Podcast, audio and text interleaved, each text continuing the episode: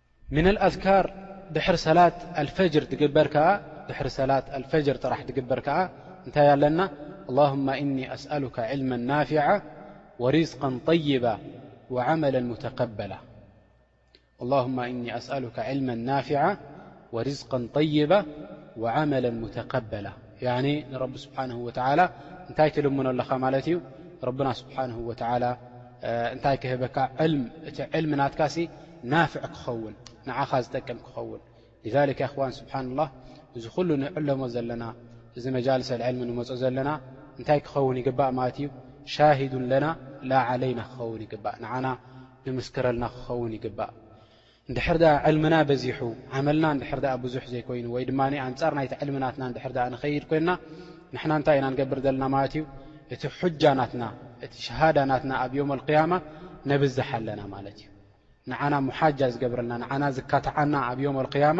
ነብዝሕ ኣለና ማለት እዩ ምናልባት ምናልባት ሓደ ሰብ እንድሕር ደኣ ደይፈልጥ እንድሕር ደኣ ኮይኑ ኣብ ረቢ ስብሓን ወተዓላ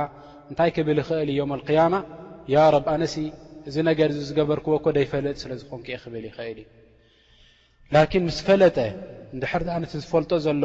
ኣንጻር ናቱ ዝኸይድ ኮይኑ ንዕኡ እንድሕር ድኣ ደፍርሶ ኮይኑ እዚ እንታይ እዩ ማለት እዩ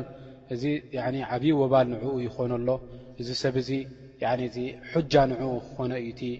ያኒ ዕልሚ ናቱ ፈሊጥዎ ዘሎ ሊዛሊክ ንረቢ ስብሓንሁ ወተዓላ እንታይ ኢሉ ይልምኖ ኣሎ ማለት እዩ ኣላሁማ እኒ ኣስኣሉካ ዕልመን ዕልመን ናፊዓ ዕልመን ናፊዓ ያኒ ዝጠቅም ንዓይ ንዓኻ ዝጠቅም ዕልሚ ከኣ እንታይ ማለት እዩ ንስኻ ኣወለን ሸይ ብእኡ ክትትግብረሉ ነቲ ዕልሚ እቲ ብእኡ ክትትግብረሉ ከሊካ እንታይ ክትገብር ንደቂ ሰባት ክትዕልመሉ ንደቂ ሰባት ካብ ፅልማት ናብ ብርሃን ከተውፅኣሉ ከሊካ የሽ እቲ ዕልሚ ናትካ ድማ ከሊክ እንታይ ክኾነልካ ሰደቀቱን ጃርያ ድሕሪ ሞት ናትካ ክኾነልካ እንከሎ ማለት እዩ ንስኻ ምስ ሞትካ እቲ ዕልሚ ናትካ እንታይ ይኾነልካ ኣብ ዮም ኣልቅያማ ወይ ድማ ድሕሪ ሞትካ እቲ ዓመል ናትካ ኩሉ በቲ ዝገደፍካዮ ሰደቃ ጃርያ ደቂ ሰባት ብእኡ ምስ ተግበሩ ደቂ ሰባት ነቲ ናትካ ክታብቲ ኣንቢቦም ጽቡቕ ምግባሮም ነቲ ናትካ ሸሪጥ ሰሚዖም ጽቡቕ ምግባሮም ንዓኻ እንታይ ይኾነልካ ማለት እዩ ንዓኻ ሰደቃ ጃርያ ናብ ቀብርኻ ድሕሪ ሞትካ ይመጸካ ማለት እዩ።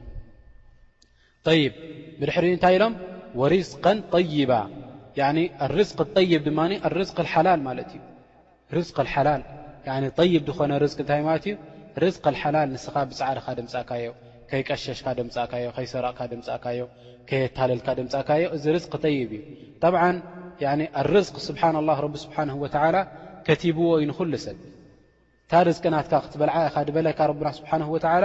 መክቱባ እያ ልዛሊክ ንታ ርዝቂ ናትካ እንታይ ኣይትግበር ማለት እዩ ላተስታዕጅል ብሓራም ኣይትውሰዳ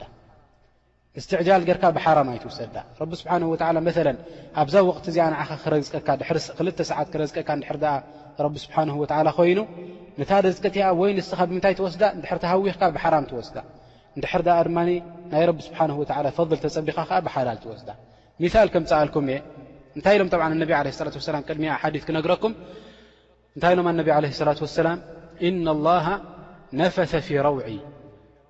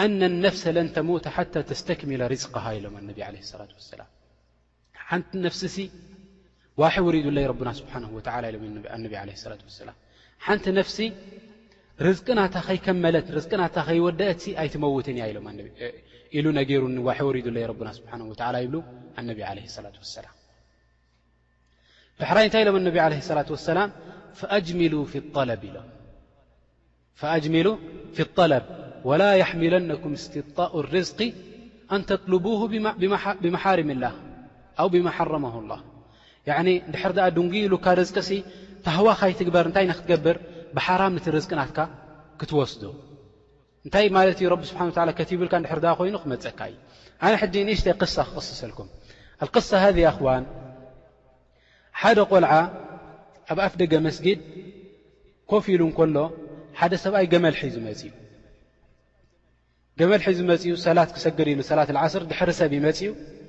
ኢልዎ ንዚ ቆልዓ እዛ ገመል እዚኣ ሓዘለይ ግዳ እንታይ ክገብር ምእንቲ ሰጊደ ምእንቲ ክምለሰካ ኢልዎ እዚ ቆልዓ ሕራይ ኢሉ ንዛ ገመል እዚኣ ሒዙሉ ጠብዓን እቲ ሰብኣይ ምስ ኣተወ ንመስጊድ እዚ ቆልዓሲ ክንደይ ጥዑይ ቆልዓ እዩ እንታይ ክገብር እየ ኢሉ ምስ ወጻእኩ ሰልዲ ክህቦ እየ ንዚ ሰብ እዚ ኢሉ ንዚ ቆልዓ እዚ ሰልዲ ሞቕሽሹ ክህቦ እየ ኢሉ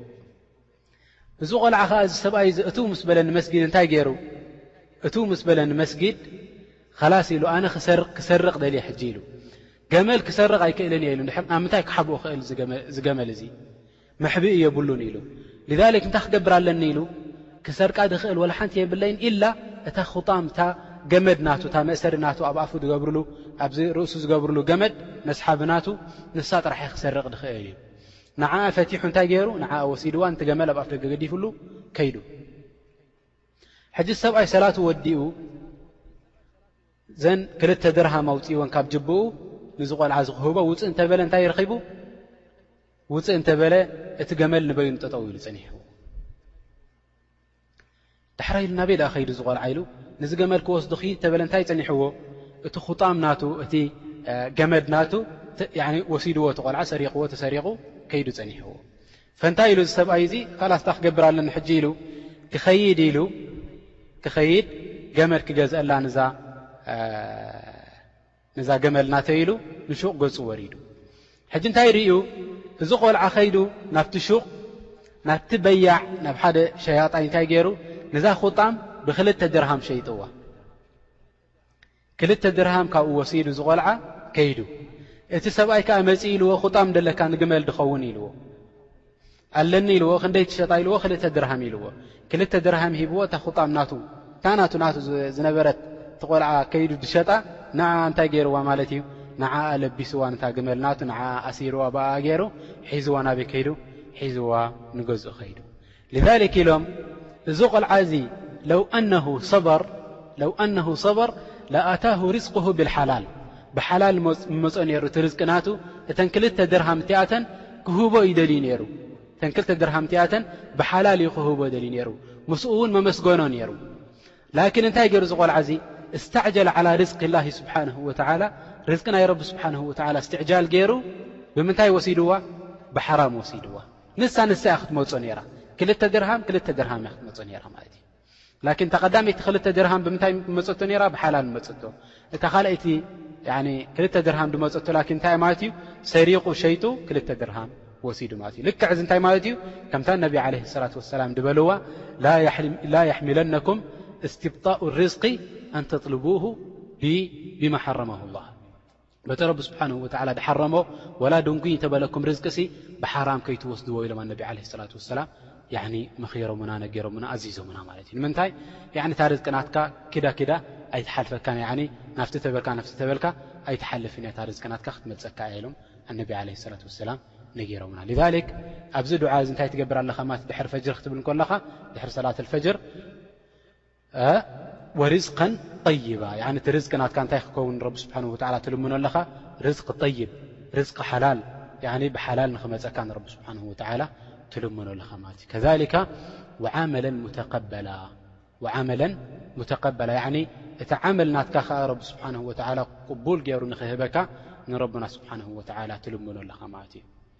ያኒ ዝኾነ ዓመል ትገብሮ ንስኻ እንታይ ደይብሉ ማለት እዩ ርያእ ደይብሉ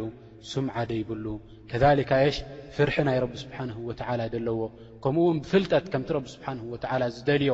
ጌርካ ንረቢ ስብሓንሁ ወተዓላ ንክትግዝኦ ንረብና ስብሓንሁ ወተዓላ ትልምኖ ኣለኻ ማለት እዩ ወዓመለን ወዓመለን ሙተቀበላ ያኒ ናባኻ ዝበጽሕ ኣጅሪ ትህበኒ ብእኡ ጌርካ ኣብ ዮም ኣልቅያማ እልካ ንረብና ስብሓንሁ ወተዓላ ትልምኖ ኣለኻ ማለት እዩ ጠብዓ ያኣኽዋን ሃዝሂ ኣድዕያ እዘን ኣድዕያ እዚኣት እንታይ ክንገብር ኣለና ማለት እዩ ኣዝካር ባዕድ ሰላም ባዕድ ሰላም ምነ ሰላት ሰላትካ ምስ ሰለምካ ክግበራ ዝግበኣን ዱዓታት ማለት እየን እዚኣት እን ወንሳተን ድማ ስብሓና ላህ ላ ተእኹዝ ኣክር ምን ኤሽ ምን ከምስ ደቃይቅ ሓሙሽተ ደቂቕ ኣይትወስደልካን እየ ማለት እዩ በዘን ሓሙሽተ ደቂቕ እዚኣተን ላኪን እንታይ ትወስድ ማለት እዩ ክንደይ ኡጁር ኢኻ ትወስድ ዘለካ ማለት እዩ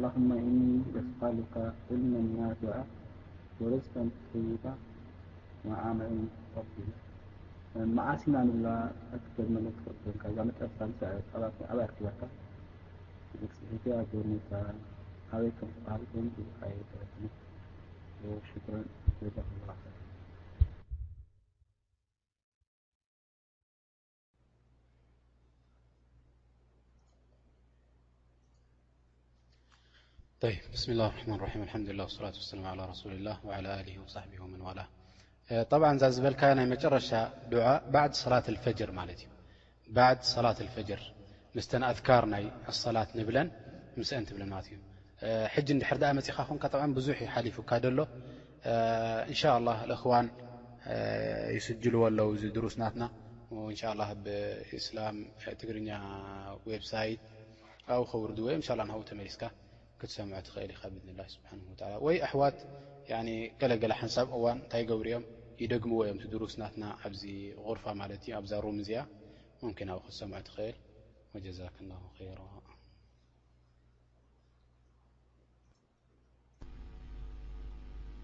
ሰላሙ ዓለይኩም ወረሕመቱላ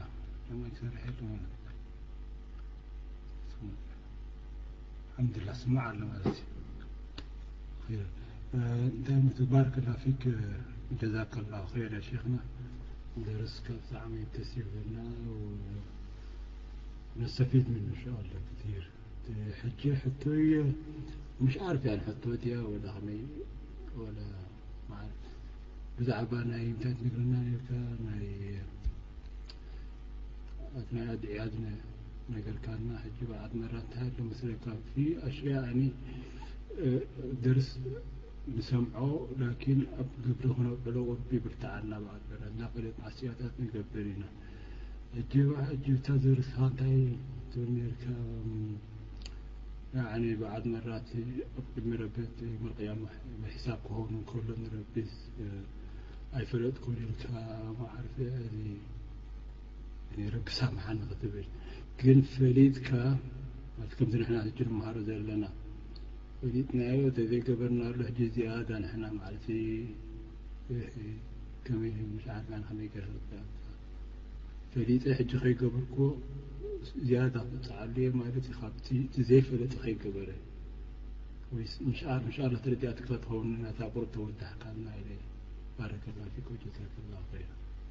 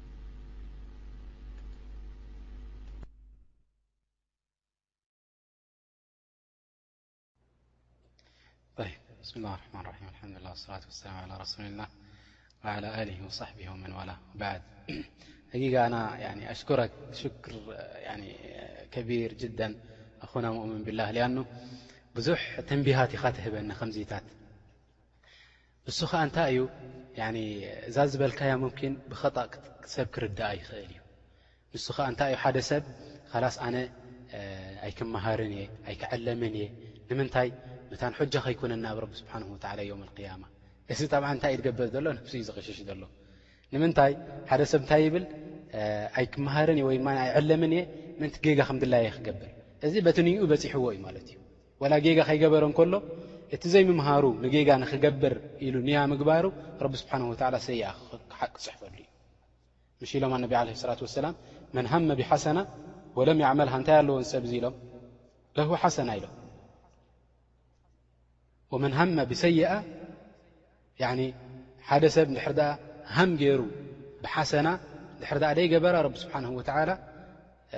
ሓሰና ክፅሕፈሉ ኢሎም እንድሕር ደኣ ብሰይኣ ሃም ገይሩ ኸዓ ብሰይኣ ሃም ገይሩ ዓዝሚ እንድሕር ኣለዎ ኮይኑ ነታ ሰይኣት እኣ ክገብራ ኸዓ ንሰብ እዚ ኸዓ ሰይኣ ክትፅሓፈሉ እያ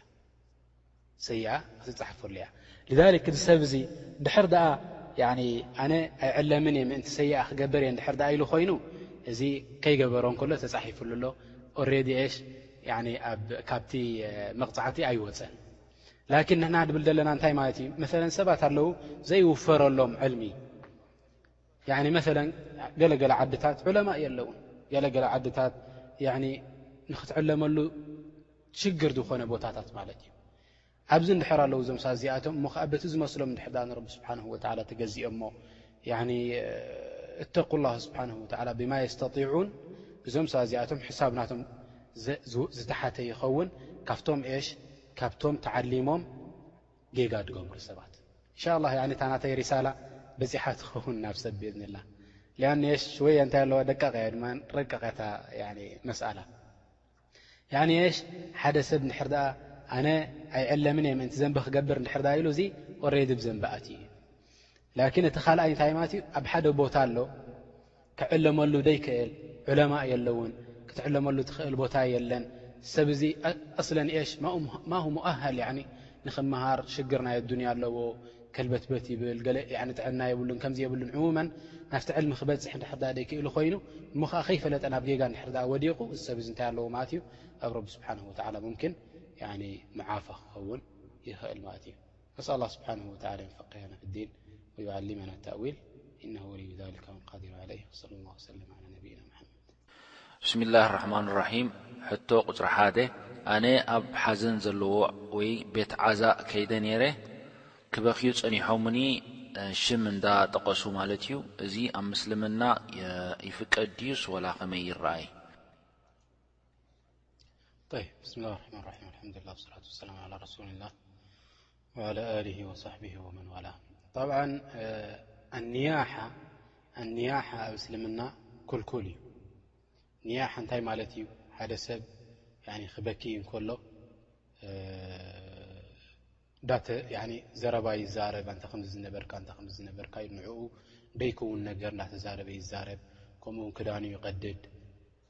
ጨጉሩ ይነፂ ያኒ ዕሙመን ካብ ሸርዒ ዝወፀ ነገራት ይትግብር ማለት እዩ እዚ ኣብ ሸርዒ እንታይ ማለት እዩ ሓራም እዩ ማለት እዩ እዚ ብሸርዒ ሓራም እዩ ነቢ ዓለ ሰላት ወሰላም ኩልኩል ኢሎምና ማለት እዩ ላኪን ጠብዓ እቶም ሰባት እቲኣቶም ዝዛረብዎ ዝነበሩ እንታይ እዮም ድብሉ ነይሮም ጠብዓ ኣነ ኣይፈለጥኩን ሕኩም ካስ ንዕኦም ዘይኮነሲ እንታይ እየ ዝዛረብ ዘለኹ ሕኩም ዓም ንያሓ እንድሕር ዳኣ ኮይኑ እቲ ንያሓ ከምቲ ዝጠቐስናዮ ኣበሃህላ እንድሕር ደኣ ኮይኑ እዚ ጠብዓን ኩልኩል እዩ ኣብ ሸርዒ ወላሁ ተዓላ ኣዕለም። ሕቶ ቁጽሪ ክልተን ቁጽሪ ሰለስተን ቀዳመይቲ ሕቶ ሱና ነየ ሱብሒ ወይ ነይ ዙህሪ ኣብ ገዛና ከይሰገድና እንድሕር ንመስጊድ መጺና ክንኣቱ ኮለና ንመስጊድ ኣትሕያቱል መስጅድን ሱናን በበይነን ንሰግደን ወይስ እታ ኣትሕያቱል መስጅድ እቱቲኣ ምስታ ሱና ንሰግዳ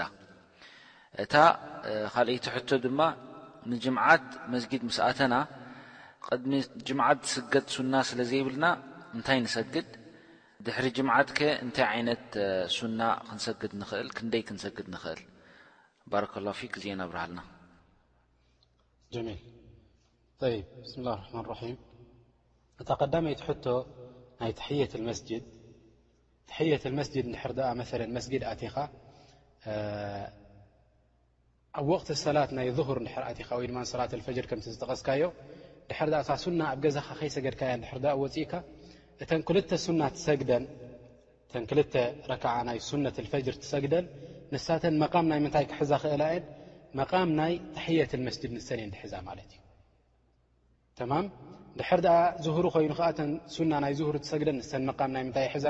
መቃም ናይ ተሕየቱል መስጅድ ይሕዛ ማለት እዩ ሱና የብልካን እንድሕር ድኣ ኮይኑኸ ወይ ድማ ዳሕራይ እንድሕር ድኣ ኣብ ሰላት እዋን ደይብሉ ወቅቲ እንድሕር ድኣ ኣቲኻ ግድን እንታይ ክትገብር ኣለካ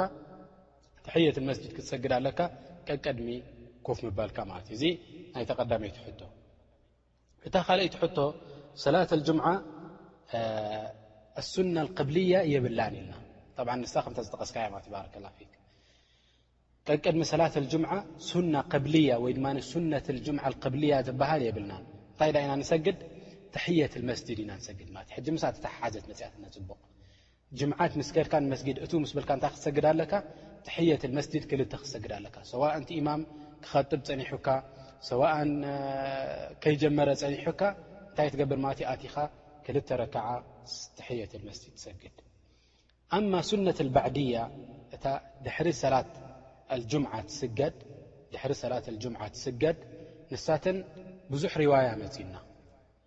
ያኒ ዝበለጸ ዝበለጸ እንታይ ማለት እዩ ዝበዝሐ እንተ ገበርካዮ ጽቡቕ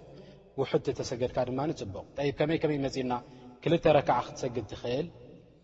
ኣርባዕተ ረክዓ ክትሰግድ ትኽእል ሽዱሽተ ረክዓ ክትሰግድ ትኽእል ኩሉ እዚ ዋርድ ፊ ሱና እዚ ኩሉ እዚ ኣብ ሱና መፅ ማለት እዩ ክልተ ክሰግድ ትኽእል ኣርባዕተ ክሰግድ ትኽእል ሽዱሽተ ክሰግድ ትኽእል ማለት እዩ ተብዚሕካዮ ነብስካ ኣብዚሕካ ፅቡቕ ማለት እዩ ከም ዘኸኣለካ ክትገብር ተደሊኻ ድማ ከም ተኸኣለካ ክትገብር ትኽእል ማለት እየ ላሁ ተላ ኣለም ሕቶ ቁፅሪ ኣርባዕተን ቁፅሪ ሓሙሽተን ቁፅሪ ሽዱሽተን ቀዳመይቲ ሕቶ ሓደ ሰብ ሰጊድካ ዶ እንተይልካ ኣልሓምዲላህ ዶ ትብሎስ ወይ እንታይ ትብሎ ካልኣይቲ ሕቶ፣ ቅድሚ ዙህሪ ዝሰገዳ ኣርባዕተ ሱና ብሓንሳእ ዲኻ ትሰግደንሲ ወይ በበይነን? ሳልሰይቲ ሕቶ፣ ሓደ ሰብ ክሰግድ እንከሎ ሱረት ኣልፋቲሓ ቀሪኡ ምስ ወደኤ ካልእ ሱራ እንዳቕረኤ እንከሎ እንድሕር ኣብ መንጎ ጠፊኣቶ ወይ ሰጋእጋእ ኢሉ ናብ ርኩዕ ዶ ይወርድ ወይስ ካልእ ሱራ ክቐርእ ኣለዎ? እዚኤን መልሰልና ባረከላሁ ፊክ። ጠይብ ብስምላህ ኣርሕማን ራሒም ኣልሓምዱሊላህ ወሰላቱ ወሰላም ዓላ ረሱሊላህ ወዓላ ኣሊሂ ወሳሕቢሂ ወመን ዋላ ሓደ ሰብ መሰለን ድሕር ድኣ ሰጊድካ ዶ እንድሕር ድኣ ኢሉካ ልሙድ ኣብ ሕብረተሰብ ናትና እንታይ እዩ ማለት እዩ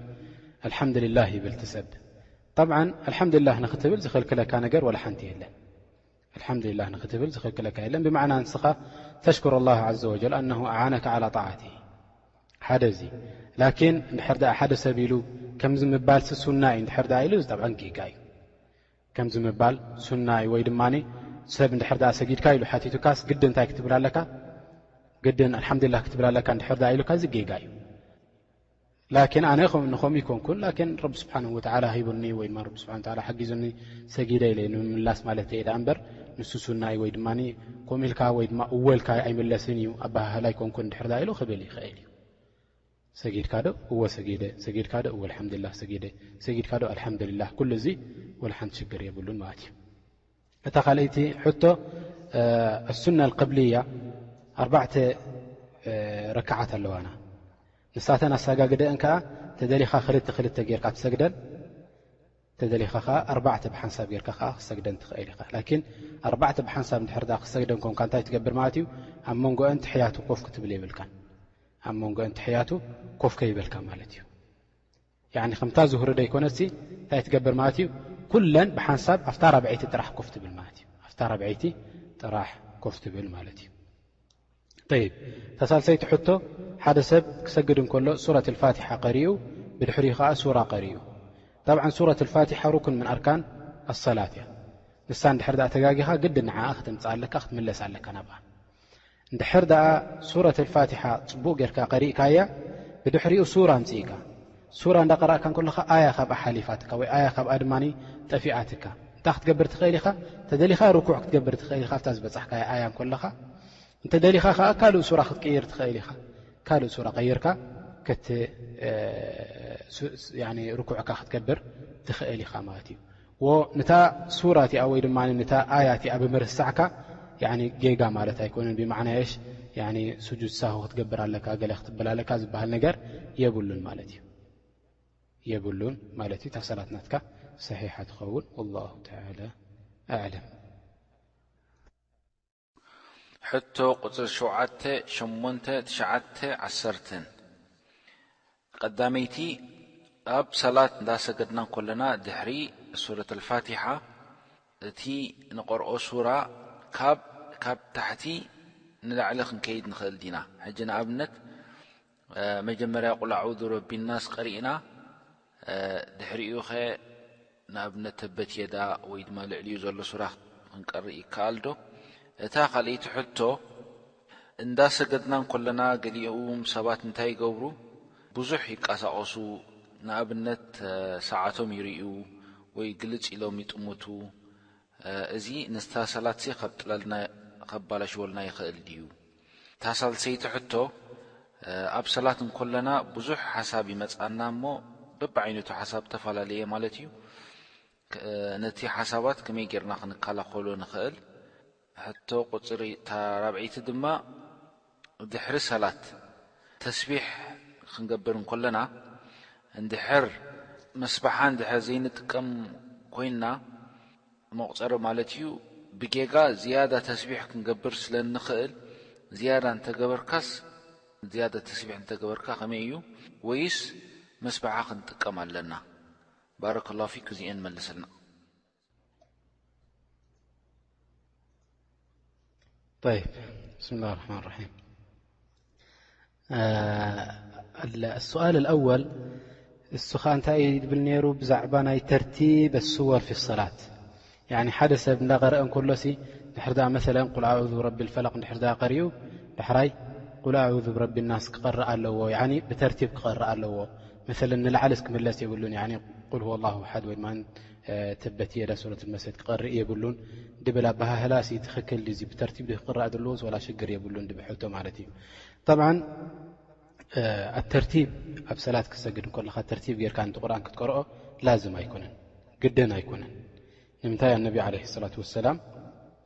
ሓደ ግዜ ሰላት ሌል ክሰግዱ እንከለዉ እንታይ ገይሮም ኣነቢ ዓለይሂ ሰላቱ ወሰላም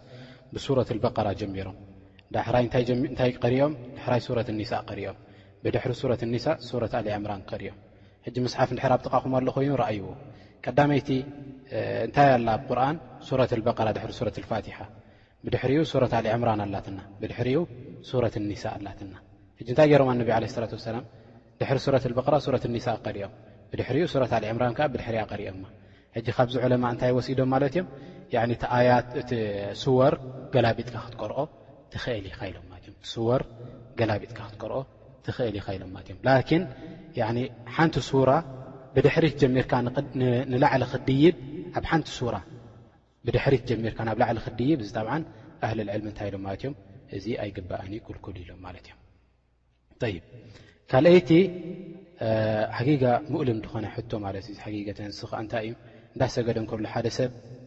ሰዓቱ ይርኢ ንደቂ ሰባት ሓጊጋ ኣነ ሓደ ደርሲ ዝህበና ዝነበረ ንስ ላ ስብሓ ይሕፈظ ኣይነመካን ንእሽት ከለና ደርሲ ይህበና ነሩ ሕጂ እንታይ ኢለ የስሕቀና ነይሩ ገሊኦም ሰባት ኣብ መስጊድ ክሰግዱ እንከለዉ እንታይ ገብሩ ኢሉ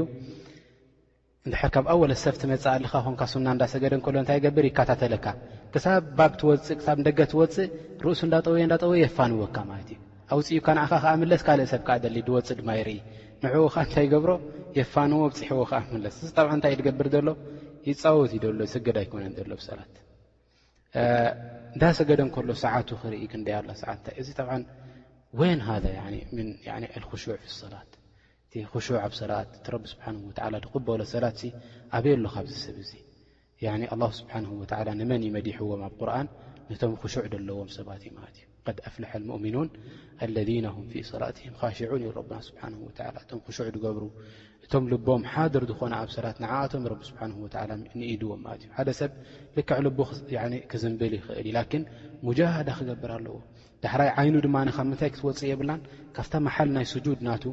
ኣብታ ስጁድ ድገብረላ ናብኣ ክጥምት ኣለዎ ላዕሊ ታሕቲ ኢዱ ክርኢ ሰዓቱ ክርኢ ያኒ ሃዛ ሓቂቀተን ኤሽ ኻርጅ ካብ ምንታይ እዩ ደሎ ማለት እዩ ኻርጅ ካብ ሰላት እዩ ደሎ ማለት እዩ ኻርጅ ካብ ሰላት እዩ ደሎ ማለት እዩ ፈ ሓደ ሰብ እንታይ ክገብር ኣለዎ ክጥንቀቕ ኣለዎ ከምዚ ዓይነት ጠባያት ኣብ ሰላት ክረኣዮ ኣብ ሰላት ክረኣዩ ሙምኪን እዚ ከምዚ ዓይነት እንድሕር ዳኣ ኣብዚሑ ብዘይ ሓጃ እንድሕር ዳኣ ኮይኑ ያኒ ምንቅስቃስ እንድሕር ኣብዚሑ ብዘይ ሓጃ እታ ሰላት ናቱ ክትበጥል እያ ማለት እዩ እታ ሰላት ናቱ ክትበጥል እያ እታ ሳልሰይቲ ምስኣ ተተሓሓዘት እያ ሰከኣ ሃም ይበዝሓካ ኣብ ሰላት እንከለካ ሓንሳብ ሓንሳብ ናይ ስድራካ ትሓስብ ሓንሳብ ሓንሳብ ናይ ስራሕካ ትሓስብ እዚ ጠብዓ ካብኡ ድወፅ ሰብ የለን ኩሉ ሰብ ሙዓረድ ወሸይጣን ከሊካ ኤሽ ይወስውስ ሊናስ ንደቂ ሰባት ወስዋስ እዩ ዘእትወሎም ካሰተ ናብ ሰላት ክኣትው ከለው ላኪን እንታይ ክገብር ኣለዎ ሰብ እንድሕር ድኣ ኣብ ከምዚ እዋን በጺሑ እሞ ኸኣ ክቕርእን እንታይ ይቐርእ ኣሎ ይፈልጥን እንታይ ተስቢሕ ይገብር ኣሎ ይፈልጥን እንድሕር ድኣ በጺሑ እንታይ ክገበር ኣለዎ ንጸጋም ገጹ ጥምት ንጸጋም ገጹ ጠሚቱ እንታይ ይገብር ሰለስተ ግዜ ተፍላ ይገብር ይዓን ትፍትፍትፍትፍትፍ ይብል ድሕራይ እንታይ ይብል ኣዑዙ ብላሂ ምን ኸንዘብ ይብል ኣዑዙ ቢላሂ ሚን ኸንዘብ እንታይ ማለት እዩ እዚ ኸንዘብ እዚ ሸይጣን ኣብ ሰላት ደጋግየካ ሸይጣን እዩ ማለት እዩ ሽም ናይ ሸይጣን ኣብ ሰላት ደጋግየካ ሽም ናይ ሸይጣን እዩ ማለት እዩ ከካብኡ ናብ ረቢ ስብሓንሁ ወተዓላ ዕቑባ ይሓትት ኣለኹ ናብ ረቢ ስብሓን ወተዓላ ይዕቆባ ኣለኹ ክትብል ማለት እዩ ብድሕሪኡ እንታይ ክትከውን ኢኻ ረቢ ስብሓን ወተዓላ ክሓግዘካ እዩ ንዚ ሸይጣን እዚ ከርሕቐልካ እዩ ካብ ሰላትካ ዋህም ኣብ ሰላትካ ያኒ ካብኡ ምውፃእ ዝያዳ ያኒ ወስዋስ ካብኡ ክትርሕቕ ኢኻ ማለት እዩ ጠይብ ብድሕሪኣ እታ ሕቶ ማለት እንታይ እያ ብዛዕባ ናይ ተስቢሕ ብዛዕባ ናይ ተስቢሕ ዝያዳ እንተገበርካዮ ካብ ሰላሳን ሰለስተን ከምተን መፅኦን ዘለዋ ይኽእል ዩ ዝብላእ ጠብዓ እዚ ዒባዳ ስለ ዝኾነ እሞ ከዓ እነቢ ዓለ ሰላት ወሰላም ዝሓደዱልና ስለ ዝኾኑ ሰላሳን ሰለስተን ግዜ ሰላሳን ሰለስተን ግዜ ወይ ድማ ከምቲ ዝጠቐስናዮ ሰላሳን ሰለስተን ሰላሳን ሰለስተን ሰላሳን ኣርባዕተን ከምኡ እውን ዓሰርተ ሓደ ዓሰርተ ሓደ ዓሰርተ ዓሰርተ ወይ ድማ ዕስራን ሓሙሽተን ግዜ ስብሓን ላ ኣልሓምዱላህ ወላኢላሃ ኢላ ላ ላሁ ኣክበር ኩሉ እዚኣተን ከምተን መፅናና ደለዋ ጌርና ክንብል ኣለና ዝያዳ እንድሕር ዳኣ ጌርካ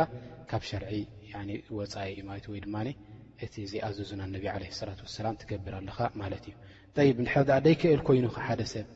ኣነሰ ክንደይ ገይረስ ኣይፈልጥን እየ እንድሕር ደኣ ዕብየት ኣለዎ ኮይኑ ሓደ ሰብ እሞ ኸኣ ያኒ ብኢዱ እንታይ በጺሑ ክፈልጥ ደይከእል እንድሕር ደኣ ኮይኑ እታ ምስባሓ እንታይ ኣልናያ ማለት እዩ እታ ምስባሓ ኣስለን ንሳ ሱና ኣይኮነትን ንሳ መቁጸሪት እያ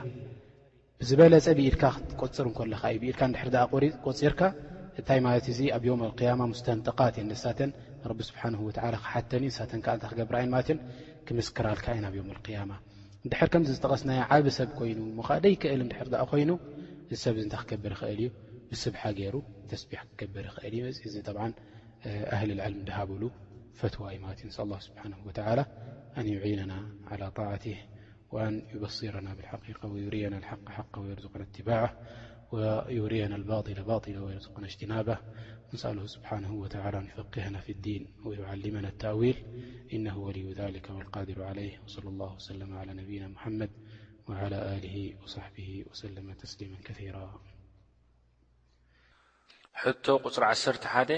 መርዓ ተዓዲምካ ከይድካ እሞ ኣብቲ መርዓ ኮቦሮ ወይ ደርፊ ሙዚቃ ዘለዎ እንድሕር ጓይላ ኣሎ ገዲፍካዮ እንተ ወጻኻ ዶ ይሓይሽ ወይ ድማ ኮፍ ክትብል። ጠይብ ጠብዓን እቲ ጓይላ ኣብ መርዓታት ትግበር ጓይላ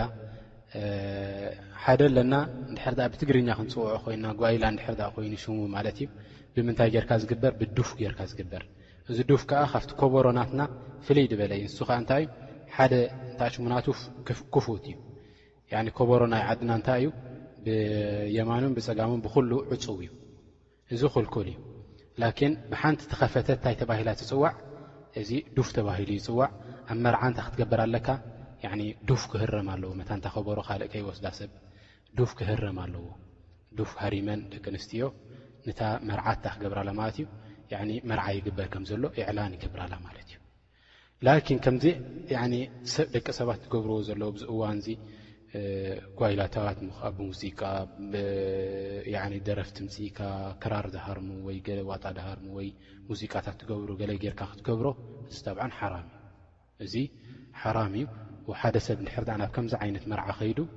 ገዲፍዎ ክወጽእ ኣለዎ እንታይ ክኸውን የብሉን ያኒ ሙዒን ንዓኣቶም ክኸውን የብሉን ሙካፍር ንዓኣቶም ክኸውን የብሉን ኻሰተን ያኒ ማሕሱብ ዓላ ኣህሊ ልከር እንድሕር ድኣ ኮይኑ ዝሰብ እዚ ያኒ ምን ኣህሊ ልከር ከማኹም ንስኻትኩም ሕጂ ብ ዝመጺኹም ዘለኹም ኩሉኻትኩም ኣብ ዕልሚ ትርከቡ ሰባት ኣብ መጃልሰ ልዕልሚ ትርከቡ ሰባት ንስኻትኩም እንድሕር ድኣ ሰባት ኣብ ካልእ ቦታታት ርኦምኹም ኣብ ጓይላ ድግበረሉ ገለ እንታይ ማለት እዩ እዚ ከምዚ ጃኢዝ ትብልዎም ዘለኹ ከምኡ ኮይኑ ክጥዕሞም እዩ ዞምሰባት እዚኣቶም ማለት እዩ ንስኻትኩም ደሊል ንዓኣቶም ከይትኾንዎም ምእንቲ ኣብ ከምዚ ቦታ ጠቕላላ ክትቀርብ ኣይግበኣካን ማለት እዩ ጠብዓ እዚ ንኹሉ እዩ ሰዋእን እቲ ኣብ መጃል ሰልዕልሚ ድመፅእ ይኹን ደይመፅእ ይኹን ላኪን እቲ ኣብ መጃል ሰልዕልሚ ድመፅእ ሰብ ዝያደ ክጥንቀቕ ይግባእ ኣብ ከምዝታት ቦታ ኮፍ ክብል የብሉን ገዲፍዎም ክኸይድ ኣለዎ ምእንቲ ብተግባሩ ንዓኣቶም ዳዕዋ ምእንቲ ክገብርሉ ማለት እዩ ኣንስ ላ ስብሓን ወተላ